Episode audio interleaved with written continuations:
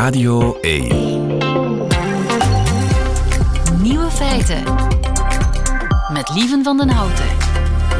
Dag en welkom bij de podcast van Nieuwe Feiten van 21 oktober 2022. In het nieuws vandaag dat de correspondent Londen van de ARD, de zeer ernstige Duitse openbare omroep, dat die voor het eerst in haar carrière gevloekt heeft.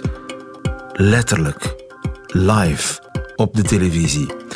Annette Dittert volgde de voorbije dagen het schouwspel in het Britse parlement met stijgende verbazing. Ze zag parlementsleden elkaar vastgrijpen en ook hoe de vice-fractievoorzitter van de Tories volledig zijn kalmte verloor. Woraufhin dann der stellvertretende Fraktionschef das Parlament mit den Worten verließ, I'm fucking furious and I don't fucking care anymore. Ich übersetze das jetzt mal nicht, aber das ist eine Partei, wo wirklich jede Disziplin zusammengebrochen ist. Zou Lia van Beckhoven ooit zoiets doen? Vloeken op de televisie? Ik denk het wel. De andere nieuwe feiten vandaag. De euthanasiewet die is ongrondwettig, zegt het Grondwettelijk Hof. Er bestaat ook lekkere Lambrusco. En Annelies Bontjes ontdekt het Belgisch compromis. Annelies Bontjes is de correspondent voor Trouw in België, de Nederlandse krant. Op vrijdag spelen we de Vrijdagquiz en de nieuwe feiten van Otto Jan Ham, die hoort u in zijn middagjournaal. Veel plezier. Onze euthanasiewet die is ongrondwettig, zegt het grondwettelijk Hof Filip Heijmans. Goedemiddag. Dag lieve. Wat is er mis mee met die wet? Wel, het grondwettelijk Hof heeft gisteren gezegd dat uh, een dat er een probleem is met die wet, omdat uh, ja, je hebt een aantal voorwaarden, want je mag niemand om het leven brengen in ons land, in, in de meeste landen trouwens niet, maar die, die euthanasiewet die zorgt voor een uitzondering. Je mag mensen om het leven brengen als ze daar zelf om vragen, als ze uh, daar verschillende keren Zo is die wet eigenlijk opgesteld. Het is geen ja. moord als aan volgende voorwaarden is voldaan en dan volgt er een hele reeks voorwaarden. Dan krijg je eigenlijk een soort uitzondering uh, waarin je toch iemand anders zijn leven mag uh, wegnemen. Ja. en er zijn een aantal voorwaarden en het grondwettelijk hof zegt daar zit iets verkeerd, want zodra je, een van, je niet houdt aan één van die voorwaarden, ja, dan ben je eigenlijk al meteen een moordenaar voor de wet. En je hebt voorwaarden die heel belangrijk zijn. Iemand moet het uit vrije wil doen, bijvoorbeeld. Die mag niet onder druk gezet zijn om euthanasie te vragen. Dat zijn de grondvoorwaarden. En dan heb je de meer procedurele voorwaarden. Bijvoorbeeld, je moet achteraf een dossier indienen bij binnen een bepaalde termijn. Binnen een bepaalde termijn. Het moet allemaal op papier gezet zijn. Dus dat zijn de meer procedurele voorwaarden. En dus de huidige wet die maakt geen onderscheid tussen die procedurele voorwaarden, die randvoorwaarden en de grondvoorwaarden. Met andere woorden, als je een dossier een dag te laat hebt ingediend, -huh kun je terechtstaan voor moord. Ja, klopt. En, en, dat is precies wat er twee jaar geleden gebeurd is. En dat is wat er inderdaad is gebeurd met dat ophefmakende euthanasieproces hè, over de, de dood van Tine Nijs, die euthanasie had gevraagd, maar waar nadien dan de vraag kwam van hebben die artsen wel alles gedaan zoals een voorzichtige arts dat zou moeten doen. Dat is bekeken en uiteindelijk ja, zei het parket, we gaan hen, we hebben toch de indruk dat daar dingen zijn fout gelopen, maar de enige optie die er dan was, was hen voor het Assisenhof brengen, omdat ze een gifmoord zouden hebben gepleegd. Dat was Zij moeten gewoon optie. de wet toe laten toepassen en dus volgens de wet was er kans op moord, dus Assisen. Ja, klopt. Heeft die uitspraak van het Hof vandaag, het Grondwettelijk Hof, heeft dat met die zaak Nijs te maken? Ja, want een van de artsen die toen is uh, vrijgesproken door het Assisenhof, daar is cassatie geweest, die heeft nu een nieuw proces lopen een, een, correctioneel proces bij de rechtbank in Dendermonde. Uh, die moet het eens opnieuw bekijken. Maar die rechtbank in Dendermonde zat wel met die vraag, klopt dit nu wel? Is die euthanasiewet wel grondwettelijk? En daarom hebben zij gezegd, we gaan die zaak even pauzeren. We willen eerst weten hoe het grondwettelijk hof hierover denkt. Dus het is eigenlijk een gevolg van die zaak van Tine Nijs nog. En dus wat nu? Die wet moet herschreven worden? Dat zal de politiek moeten doen, ja. Dus het parlement moet zich er nu opnieuw over buigen en kijken, maken we een onderscheid tussen verschillende soorten voorwaarden. In de tijd hebben ze dat bewust niet gedaan, omdat ze zeiden we vinden euthanasie zoiets delicaats dat alle voorwaarden even belangrijk zijn voor ons. Het Grondwettelijk Hof zegt nu dat dat niet klopt. Dus ja, zal de politiek wel iets moeten doen en met een vernieuwing van die euthanasie. Een verfijnde euthanasiewet uh, moeten komen. Wat betekent dat voor die arts die nog steeds terecht staat, zij het nu in Dendermonde, wat betekent dat voor hem? Dat uh, zal de rechtbank van Dendermonde nu moeten beslis, beslissen. Hè. Dus zij krijgen nu die uitspraak van het grondwettelijk hof dat zegt van dit klopt volgens ons niet. Uh, het hof volgt daarmee wel de redenering van zijn advocaten. Die hadden ook gezegd van dit klopt niet. Dus dat zou er dan op kunnen wijzen dat de rechtbank gaat zeggen van kijk, het grondwettelijk hof zegt dat die wet niet oké is. Dus op basis hiervan gaan wij u ook niet veroordelen. Zullen wij u vrijspreken? Dat lijkt het meest waarschijnlijke. Maar goed, we gaan moeten zien hoe ze dan uiteindelijk gaan oordelen. Dus die zaak gaat nu terug naar de rechtbank in Dendermonde. Uh, en, die zal dan uiteindelijk moeten beslissen wat er met hem gebeurt. Maar dat betekent in ieder geval dat een proces zoals het assiseproces, het euthanasieproces van twee jaar geleden in Gent, dat dat niet meer zal kunnen. Tenzij je natuurlijk artsen hebt die uh, euthanasie geven aan iemand... Die, een grondvoorwaarde. Uh, ja, die een grondvoorwaarde Dan gaat het nog naar... Ja, iemand die eigenlijk geen euthanasie wilde, dan zal het naar assise gaan. Maar je kan je dan voorstellen dat er een nieuwe wet komt waarin staat als je een dossier te laat indient of als daar vormfouten zijn, dan voorzien we een andere sanctie. Dan kan dat een, een, een en dan wordt dat, dan wordt dat geen assiseproces. Maar dan zal het geen assiseproces worden. Dus voor artsen betekent dat eigenlijk meer rechtszekerheid? Dat wel. Natuurlijk, het verlaagt wat de drempel om hen voor de rechter te brengen. Want tot nu, meestal als er een, een vormfout werd gemaakt, ja, gingen ze niet voor assise komen. En nu bestaat dan wel, is, of wordt de kans wel groter dat ze beboet zullen worden of een andere straf zullen krijgen als ze zo'n procedurele voorwaarden schenden. Maar het zal inderdaad de zekerheid geven voor zo'n kleinigheid, tussen aanhalingstekens, zal die niet meer voor een assisenhof belanden. Flip Heijmans, dankjewel. Nieuwe feiten. De ontdekking van België. Dag Annelies Bontjes. Hey, goedemiddag. Annelies Bontjes, correspondent van de beste krant van Nederland. Ik zeg het maar even, want dat is ook wat ik echt vind. De beste krant van Nederland is Trouw. Jij mag daarvoor werken. En je bent de correspondent van Trouw uh, in België. Ja. Woont sinds een klein half jaar in een Brussel. Een half jaar alweer, hè? Een half jaar alweer. Ja, het wordt wat. Je bent al een halve Belgische. dankjewel. Dat zal straks moeten blijken in het examen Vlaams natuurlijk. Ja, hopelijk gaat het beter dan de vorige week. Eh, ja, het gaat alsmaar minder goed, ja. hè, begrijp ik. ik had een vlammend begin, maar nou ja, oké. Uh, maar wat is jou deze week opgevallen, Annelies? Nou, wat mij deze week opviel waren de uh, lange wachtrijen op de luchthaven van Charleroi. Uh, allemaal boze mensen die niet uh, hun vlucht konden bereiken. Het leek Schiphol wel. Ik wou net zeggen, dat kende ik wel uit Nederland van Schiphol. Maar ik dacht dat België dat bespaard bleef. Maar ook jullie ontkomen er blijkbaar niet aan, gedoe op de luchthaven. Er was een staking aan de gang, hè? Ja, het was dus niet vanwege personeelstekorten, wat in Schiphol, op Schiphol vaak het probleem is, maar vanwege een staking van het veiligheidspersoneel. Um, zij waren het er niet mee eens dat er uh, in het vervolg twee bedrijven die controle zouden doen in plaats van één bedrijf, uh, omdat ze vrezen voor slechtere arbeidsvoorwaarden. Uh, en daarom Doordat dat tweede bedrijf natuurlijk aan andere voorwaarden. bedoel dat er concurrentie tussen bedrijven zou, zou concurrentie ontstaan. ja. En, dat zou in het nadeel van de werknemers kunnen spelen. Daar vrezen ze voor, ja. ja. dus daarom gingen ze staken. En nou ja, dat ging een maandag zo, dinsdag zo, woensdag weer. Maar toen is er ook eigenlijk snel een spoedoverleg bij elkaar geroepen. En toen kwamen alle koppen even bij elkaar. En toen is er iets besproken. Ik weet niet precies wat, maar ineens was er een oplossing. Uh, en jij natuurlijk nieuwsgierig naar die oplossing. Ja, nou, en die oplossing was dus dat de controles nog steeds door één bedrijf gedaan zouden worden. En dat in 2025, als het aantal reizigers dan nog steeds zo gestaag bleef toenemen, dat, dan, ze er eigenlijk dan weer over zouden praten. En ik had een transporteconoom geïnterviewd. Ik had hier een stukje over geschreven voor, voor Trouw, het beste krant van Nederland. Um, en die vertelde mij, nou, dit is nou een typisch Belgisch compromis. En toen dacht ik, oh, dat is leuk. Nu, uh... Je ontdekte typisch Belgisch compromis. Ik ontdekte een typisch Belgisch compromis. Het werd zo in mijn schoot geworpen, ja. En wat is er zo typisch Belgisch aan, wat in Nederland nooit als compromis... Eh, want jullie kunnen polderen. Polderen is toch precies hetzelfde? Zeker, ja. We kunnen eindeloos overleggen. Maar uh, Belgisch compromis is eigenlijk dus iets heel moois, leerde ik. Want dat is voor jullie een manier om de verschillende breuklijnen in België te overbruggen. De, de taalgrens, uh, vrijzinnig versus katholiek. En een compromis vinden waar iedereen het mee eens is. Maar ja, een, compromis is natuurlijk niet per se een langetermijn oplossing. Nee, dat heb jij geleerd. Ja, dus los je er echt iets mee op.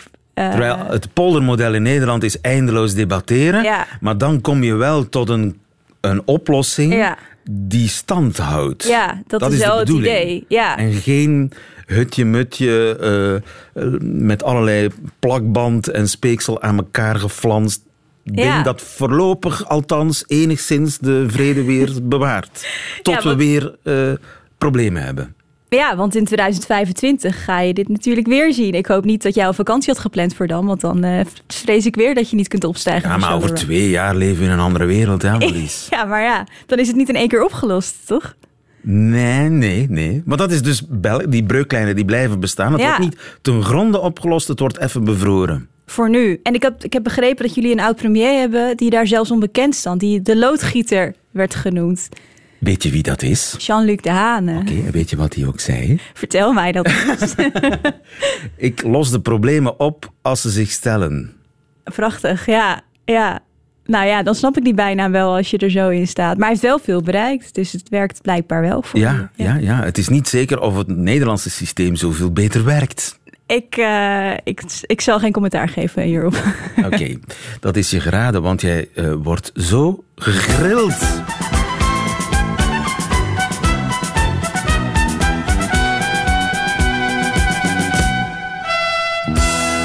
Examen Vlaams. We beginnen met een klankfragment. Annelies. Spannend. Okay. Want vorige week tijdens de vrijdagquiz zei iemand dit. Ivar, wat was je aan het doen? Voor je besloot om mee te doen met de quiz? Mijn kind aan het eten geven, maar uh, die ligt nu eventjes in het park. Dus die heeft gedaan met eten. In het park, dat is ook een vraag die we ooit aan Annelies Bontjes moeten stellen. Is het waar? Ik zeg het even, want het was een beetje ja. slechte telefoonkwaliteit. Maar die quizkandidaat Ivar, die zei... Ik was mijn kind aan het eten geven, maar die ligt nu in zijn park. In zijn park of pak? in zijn park. nou ja, uh, ik denk niet dat hij buiten neer is gelegd. Uh... hij is niet buiten neergelegd, nee. In zijn park? Zijn park, ja. Nou ja, ik denk gewoon in, in de box of in de... Wow!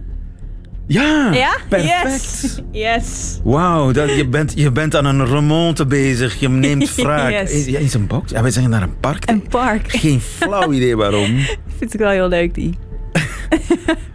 Wat is een piket? Uh, een piket. Een piket, met een P met van een piket. Een. Okay. een, nou ja, in, in Nederland hebben we piketpaaltjes hè, langs de snelweg. Maar... Wat zijn piketpaaltjes langs de snelweg? Ja, die staan langs de snelweg om te, aan te geven hoe, ja, hoeveel kilometer hectometerpaaltjes Ja, ja, hect ja, ja. oké, okay, alright. Maar dat is niet het betekenis. Oké, okay, um, een piket. Uh, dat zal dan iets met baby's te maken hebben. Misschien is het wel een flesje of zo. nee. nee, je hebt er als het goed is uh, een gezien vandaag.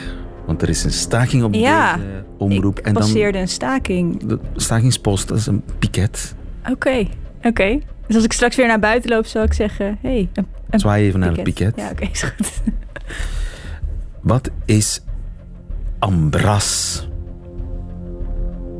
Nou, um, misschien komt het van het Frans. Dan is het uh, knuffelen, toch? Een knuffel, of niet? Embrassé, dat is toch Ik zou je een half puntje willen geven voor de, voor de redenering. Het komt van het Frans, maar het is niet embrassé met een E, maar het is ambras. Ik weet niet waar het vandaan komt, ambras. Ik denk niet van het Frans. Oh. Maar het is eigenlijk het omgekeerde, het is ruzie. Ambras. Oh. Oké. Ruzie. Bonje. Dus dan zeg je, ik, ik heb ambras met Ik heb ambras. Ah, oké. Ik heb ambras met jou of met iemand. Ik heb ambras. Ja. En dan ga je als je Ambras hebt, leg je... Nee, in het park? Nee, dat is gewoon in de boek. Oké, okay, Ambras. eventueel uitvechten in het park. Annelies Bontjes, ik vond, ik vond het toch dat je het behoorlijk gedaan hebt vandaag. Ja, anderhalf, toch? Ja. Lieven van den Houten. Ik verdien een pak slaag. Dennis van den Buis, goedemiddag. Ja, dag lieven. Ik ga het niet persoonlijk doen, maar figuurlijk verdien je een dik pak slaag. Dennis van den Buis van het Uur van de Waarheid, prachtprogramma op zaterdagochtend, ook morgen weer. Maar ook van Wijncast. Klopt. De eerste Nederlandstalige podcast over wijn. Waarom verdien ik een pak slaag? Omdat jij hier gisteren in de studio, toen het over Lambrusco ging, dat jij gezegd hebt dat je beter zoete Fanta kan drinken Laten we het bewijsmateriaal erbij nemen. Ik heb dus gisteren Lambrusco beledigd. Het nieuws van de dag dat is toch dat voormalige Italiaanse premier Berlusconi dat hij een fles Lambrusco cadeau gedaan heeft aan Poetin. Dat moet blijken uit gelekte geluidsopnames. Berlusconi vertelde het aan de parlementsleden van zijn eigen partij Forza Italia dat hij de banden met Poetin heeft aangehaald. Het is moeilijk verstaanbaar, maar luistert u even mee. Tanto il 6 del mio compleanno mi ha mandato 20 bottiglie di vodka. Io gli ho risposto con delle bottiglie di Lambrusco. Ja, hij stuurde mij, hij Poetin, stuurde mij een paar flessen vodka voor mijn verjaardag. Met een lief briefje erbij, vertelt Berlusconi. En om hem te bedanken heb ik hem een paar flessen Lambrusco teruggegeven. Lambrusco. Je kunt toch net zo goed een fles Fanta opsturen? Gesuikerde uilenpis, casus belli wat mij betreft. Nieuwe feiten. De andere nieuwe feiten tot één uur. Goedemiddag. Sweets for my sweet, sugar for my honey. Your first sweet kiss. Ja, inderdaad. eh, dat heb ik dus gezegd. En ik zie jou dreigend een fles, een fles openmaken. Ja, ik ga niet zoals de collega's van Interne Keuken vroeger die kurk in jouw ogen laten knallen. Want ik vrees, lieven, dat jij bent blijven vasthangen in het imago van Lambrusco. Ja, uit de jaren 70, 80, industriële, zoete, vuile wijn. We mogen dat, we mogen dat eerlijk Ja, zeggen. sorry, fruitsap met pretentie. Of limonade met pretentie, zoiets. Ja, dat is wat ze in Italië en masse gemaakt hebben in grote fabrieken. Dus om- wat dat betreft, Ja, klopt het. De Amerikanen waren daar vooral wild van. Op discoparties tot en met. We zitten in die sfeer. We zitten op kotfeestjes. ja, flessen van anderhalve liter. Tuurlijk, ja.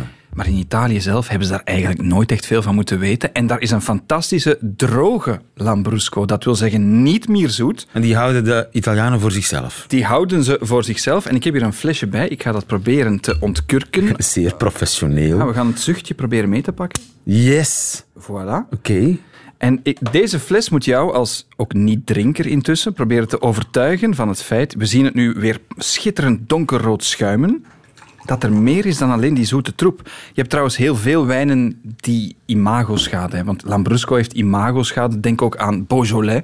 Ja. Dat is hetzelfde, daar denken we ook wa- van. wa- wat is dat eigenlijk, Lambrusco? Is, is, dat, is dat iets... eh Lambrusco is de een druif? Wat maakt Lambrusco Lambrusco? Lambrusco is en de naam van een racem druiven die Lambrusco heten. En die groeien, iedereen is daar misschien al eens langs gereden met de auto als je naar Toscane of Umbria op reis gaat. Als je die grote snelweg neemt van Milaan naar het zuiden, dan passeer je Parma, Reggio Ste- Emilia, Stevige neus, hoor. Modena. En daar Wow. groeit de Lambrusco druif. Dat zijn een veertiental soorten zelfs. En daar wordt Lambrusco wijn van gemaakt. En ja, dat is een, een fruitige wijn, maar proef maar eens, lieve. En die parel, eh, hebben ze die er achteraf ingestopt? Of, of die is naturel? Ooit was die naturel. Dus ooit begon dat met we steken die rode druiven geplet in, ja, in een fles in de herfst. Maar die vergisting was nog niet eigenlijk afgerond. Dan viel dat stil in tijden waar geen elektriciteit en, en verwarming was. En in de lente begon dat terug, maar die fles was al dicht en begonnen die bubbeltjes te gisten bij de eerste lentezon. En dat is een, een, een, de, de metodo ancestrale van de Ja. voorouders. De natuurwijnen doen dat nu nog altijd. Dus dat is ook een beetje een boom bezig. Dan kan je dat inderdaad en masse rinpompen in een groot vat, zoals bij Prosecco.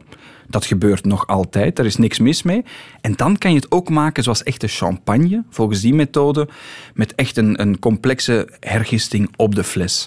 Maar dit, ja, proef Ja, eens lief. Ik, ik drink dus al een paar jaar niet meer om medische redenen, maar een paar slokjes kan, kan wel, dus dan ga ik toch... Spannend. Hij ruikt inderdaad absoluut niet zoet. Lieven drinkt. En? Is dit Lambrusco? Dit is Lambrusco. Hier zit kruidigheid in, hier zit een beetje tannines, die bittere toetsen in. Maar dit is eigenlijk de oerrode bubbelwijn. Maar ver weg van dat mierzoete wat we allemaal kennen. Ik trek mijn woorden terug. Je moet je woorden intrekken. En het is ook ideaal dat Italianen zelf daar gebruiken het om in te zetten naast hun vette charcuterie. Want dat is de streek daar. Hè. De mortadella, de prosciutto di Parma. Ehm, denk ook maar gewoon aan de Parmezaanse gerijpte kaas. Spaghetti eh, al ragout, of hoe heet het? Eh, ik, ik- wij zeggen bolognese natuurlijk, maar, Maar alles, want hier zit ook een zuurigheid in. juist, Dat blijft- die lang blijft hangen. Ja, en dat is ideaal om Hmm. die vettigheid te counteren. Dus je moet er heel lang naar zoeken, want voor deze fles is jouw redactie in allerijl naar een winkeltje in Londerzeel gereden. Je vindt ze niet in de supermarkt, maar in de betere handel zoek je tijd. En Lambrusco, er gaat een wereld voor je open, lieven. Mijn dank. Alsjeblieft. En mijn spijt. Dank je wel. Dennis van Op de knieën. Goedemiddag. Oh, voor jou altijd.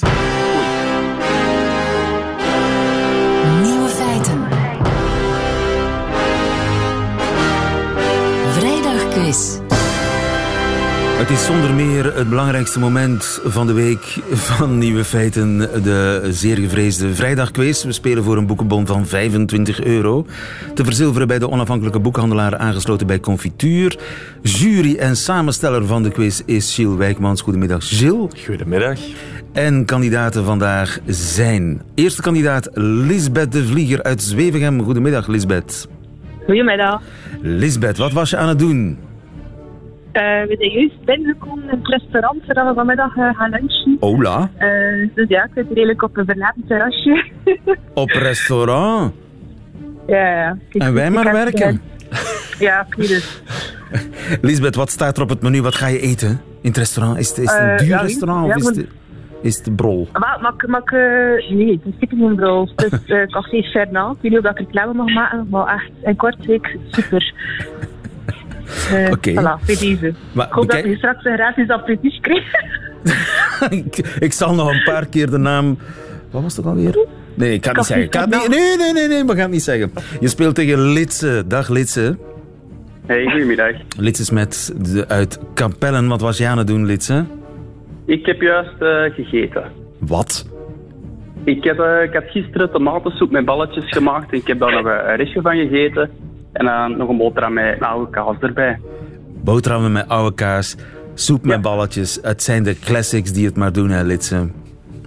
Ja. Goed, Litse en Lisbeth, ik ga jullie kennis testen van vier nieuwe feiten. Ik begin bij Lisbeth, die zich eerst heeft, eh, of Lisbeth, die zich eerst heeft gemeld. Zolang ze juist antwoordt, blijft ze aan de beurt. Bij een fout antwoord gaat de beurt naar Litse.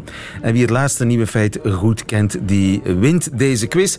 En Lisbeth, als je tussendoor je bestelling wil plaatsen, dat kan. Hè? Dat kan. Vraag 1 is voor jou, Lisbeth. Als het jeukt, dan moet je krabben. Maar hoe doen vissen dat krabben? A. Ze zwemmen heel snel en gebruiken de wrijving met het water als krabmiddel. B. Ze schuren tegen haaien aan. C. Ze blazen bellen en zwemmen er doorheen. Hoe krabben de vissen? Eh, een pure hok, maar ik ga voor het gevaarlijkste gaan, voor B. Voor B. Dat is helemaal goed. Inderdaad. Gilles, Ja. ze schuren tegen... Dat is nieuw onderzoek. Dat is nieuw onderzoek, dat is net ontdekt, inderdaad. Ehm, ja, het is moeilijk krabben natuurlijk, hè, in een grote wijde vlakte als de zee. En het geluk voor die vissen is dat haaien een heel ruwe huid hebben. Daardoor dat ze vroeger ook als schuurpapier werden gebruikt. En wat ze dus hebben ontdekt is dat vissen, tonijnen onder andere, tegen de haai aanschuren. Tonijnen gaan zelfs mooi in een rijtje achter de haai aanzwemmen en dan één voor één langs de haai afschuren om zo de jeuk, parasieten, etc. weg te krabben. Samenwerking. Samenwerking. In de zee, prachtig. Lisbeth, ook vraag 2 is voor jou. Zweedse onderzoekers hebben een gel gemaakt die enigszins beschermt tegen HIV en herpes. Waarvan is die gel gemaakt? Wat gebeurt er toch op de achtergrond? Is, is dat een kindje dat met een treintje speelt? Ja, ik weet het eigenlijk niet. Ik Is dat A? Is dat A. Koeienslijm? B. Fanta? C. Speeksel? Ah, eh, wacht. Die, ehm goh, Fanta. Fanta? Oké, Ja? het antwoord van Fanta is niet, niet goed, Litse. Jij komt in de wedstrijd. Dan ga ik voor eh, optie met de koeien. A. Koeienslijm. Dat is helemaal goed. Ja, dat slijm bij koeien drijft gevaarlijke stoffen naar buiten. En die onderzoekers, Zweedse onderzoekers, hebben die stof nu gesynthetiseerd tot een gel die je dan op de ja, delen... Geslachtsdelen. De geslachtsdelen, inderdaad. Ge- gesmeerd kan worden. En het zou dan 70% van de HIV neutraliseren en 80% van de herpes. Dus 30% niet en 20% niet. Het, het, het kan nog de klassieke condoom nog altijd niet vervangen.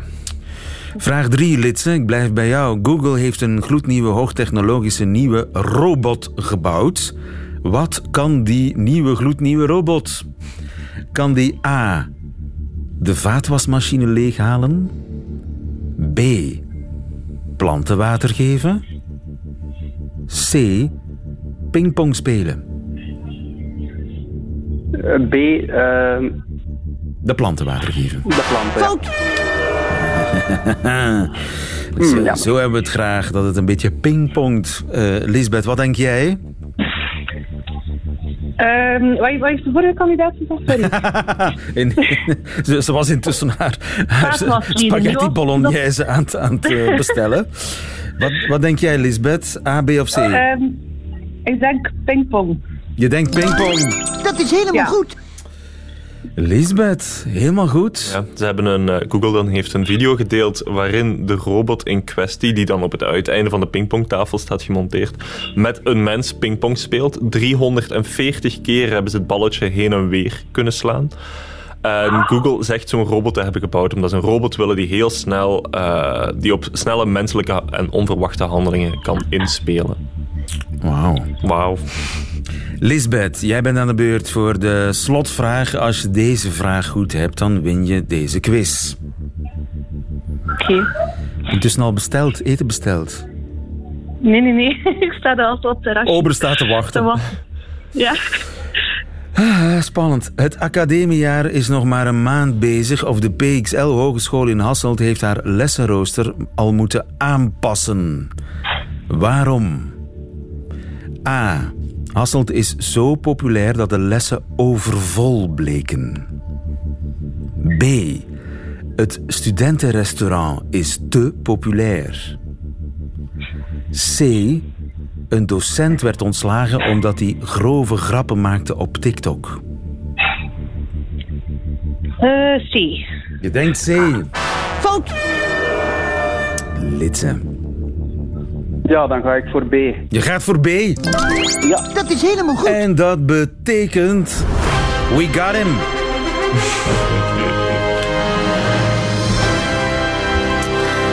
Lisbeth, Lisbeth, Lisbeth, Lisbeth. Die docent die werd ontslagen omdat hij grove grappen maakte op TikTok. Was niet in Hasselt, maar in Gent. Ah, kijk. ik Ja, dat we, inderdaad gezien. we hebben jou eh, op het verkeerde been eh, gezet. Maar laat die eh caprese salade of wat het ook mogen zijn die je gaat Zo voor de bestellen. garnaalkroketten, ja. Garnaalkroketten, Ja. hè, denk ik ook. Het is, Ja, het is West-Vlaanderen, Het is er dus het weer voor ook. ja. Garnaalkroketten. Lisbeth, wat denk je, garnaalkroket? Ja, het is een optie. Dus, eh, al weet ik, ja, ik moet eigenlijk nog altijd de menukaart zien, dus ik weet niet of dat dat hebben. Lisbeth Maar, eh, de Vlieger, zeer bedankt dat je je lunch op restaurant hebt willen onderbreken voor de vrijdagquiz. En Litse Smet, gefeliciteerd. Ja, dankjewel. Want wat is er gebeurd in eh, Hasselt, Gilles? Wel, het studentenrestaurant daar is heel bekend omdat het goede maaltijden levert voor zeer democratische prijzen. En het probleem met de PXL is dat alle eh, lunchpauzes van alle studenten op hetzelfde uur vielen. Dus de rijen aan dat restaurant waren enorm lang, waardoor er enorme chaos was en mensen hun lessen misten. Lekker, lekker, lekker, maar lang wachten. Ja, dus, eh, dus hebben ze eh, voor een deel van de studenten de, lessen, de lunchpauze eigenlijk een uur vervroegd, zodat de rijen verminderd of ge- ja, verkleind kunnen worden. En je had het dus goed, Litse Smet. Ja, Geweldig. super. 25 euro komt naar je toe in de vorm van een boekenbon. Weet je al welk boek je gaat kopen? Ik ga eens zien wat het aanbod is en anders zal het iets zijn voor de kindjes. Iets voor de kindjes, Litse Smet, dat is altijd een goed idee. Dankjewel. En volgende week is er weer een vrijdagquiz. En daarmee heeft u alle nieuwe feiten gehad van 21 oktober 2022. Alleen nog die van Otto-Jan Ham, die krijgt u nu in zijn middagjournaal. Nieuwe feiten. Middagjournaal. Hallo, daar ben ik weer. Omdat geen doelgroep mij te gortig is, schoof ik gisteravond aan bij het radioprogramma Generation M op de jongere zender M&M. Ik weet niet of u het gehoord hebt. Het ging over angststoornissen en paniekaanvallen. Omdat ik daar wel over kan meespreken en ook omdat ik nogal tuk ben op presentatrice Dorian Ausems, kon ik de uitnodiging niet naast me neerleggen. Voor de opname werd ik naar een gezellig lokaaltje geleid, waaronder onverantwoord intens TL-licht een man stond met donuts en paprika chips. Ik mocht van de vriendelijke redactrice zoveel eten als ik zelf wou, iets wat je mij geen twee keer moet zeggen. Daar was Dorian. Ik gaf haar een ongemakkelijke kus zoals alleen ik ongemakkelijke kussen kan uitdelen. En ik verontschuldigde mij veel te uitvoerig voor de walm van paprika chips die ik verspreidde en die niemand zou zijn opgevallen mocht ik er niet zelf over begonnen zijn. Ja, laat zoiets maar aan mij over. Het programma bleek voor een live publiek te zijn dat bestond uit een handvol jongeren die me aankeken zoals alleen jongeren kijken naar iemand van boven de 40, vol afgrijzen en wantrouwen. Ik voelde de eerste paniekaanval alvast voorzichtig richting startblokken sloffen. Maar Dorian leidde elegant, doch gedecideerd de dans, waardoor we voor we het wisten in een open en interessant gesprek terechtkwamen. Het is een vakvrouw, mensen. Onthoud haar naam. Eens te meer bleek maar weer hoeveel mensen er last hebben van angststoornissen. Het is een grote en boeiende club. Ik hoef er niet per se het boegbeeld van te zijn, maar die lidkaart pakken ze mij niet meer af. Het uur vloog voorbij. Na mij was het de beurt aan seksuologe Lotte van Wezenmaal. Seksuolotte voor vrienden en fans.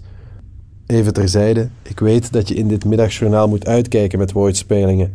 Ik had het gisteren terloops over mijn programma Viva la Feta. Een feestelijk vakantieprogramma dat zich afspeelt in Griekenland, vandaar Viva la Feta. Maar ik voelde de bloeddruk bij Lieve van den Houten door de radio tot zorgwekkende hoogte stijgen. Ik hoop dat het ondertussen beter met hem gaat. Enfin, seksuolotte dus. Haar onderwerp was seks in het openbaar. En ik mocht er gerust nog een uurtje blijven bijzitten van Dorian. Maar ik keek wel uit. Ik praat niet zo gemakkelijk over seks, laat staan in het openbaar. Onderweg naar huis luisterde ik hoe Dorian en Seksuolotte op de radio vrijuit en met wat hulp van het publiek en de welwillende luisteraar de do's en don'ts van seks in het openbaar bespraken. Misschien moet ik het nog eens een kans geven.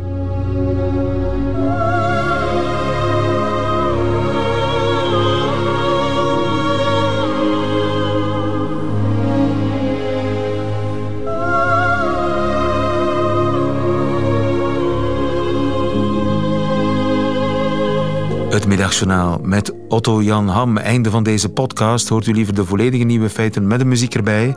Dat kan natuurlijk via radio1.be of de Radio 1 app on demand. Of live elke werkdag tussen 12 en 1 op Radio 1. Tot een volgende keer.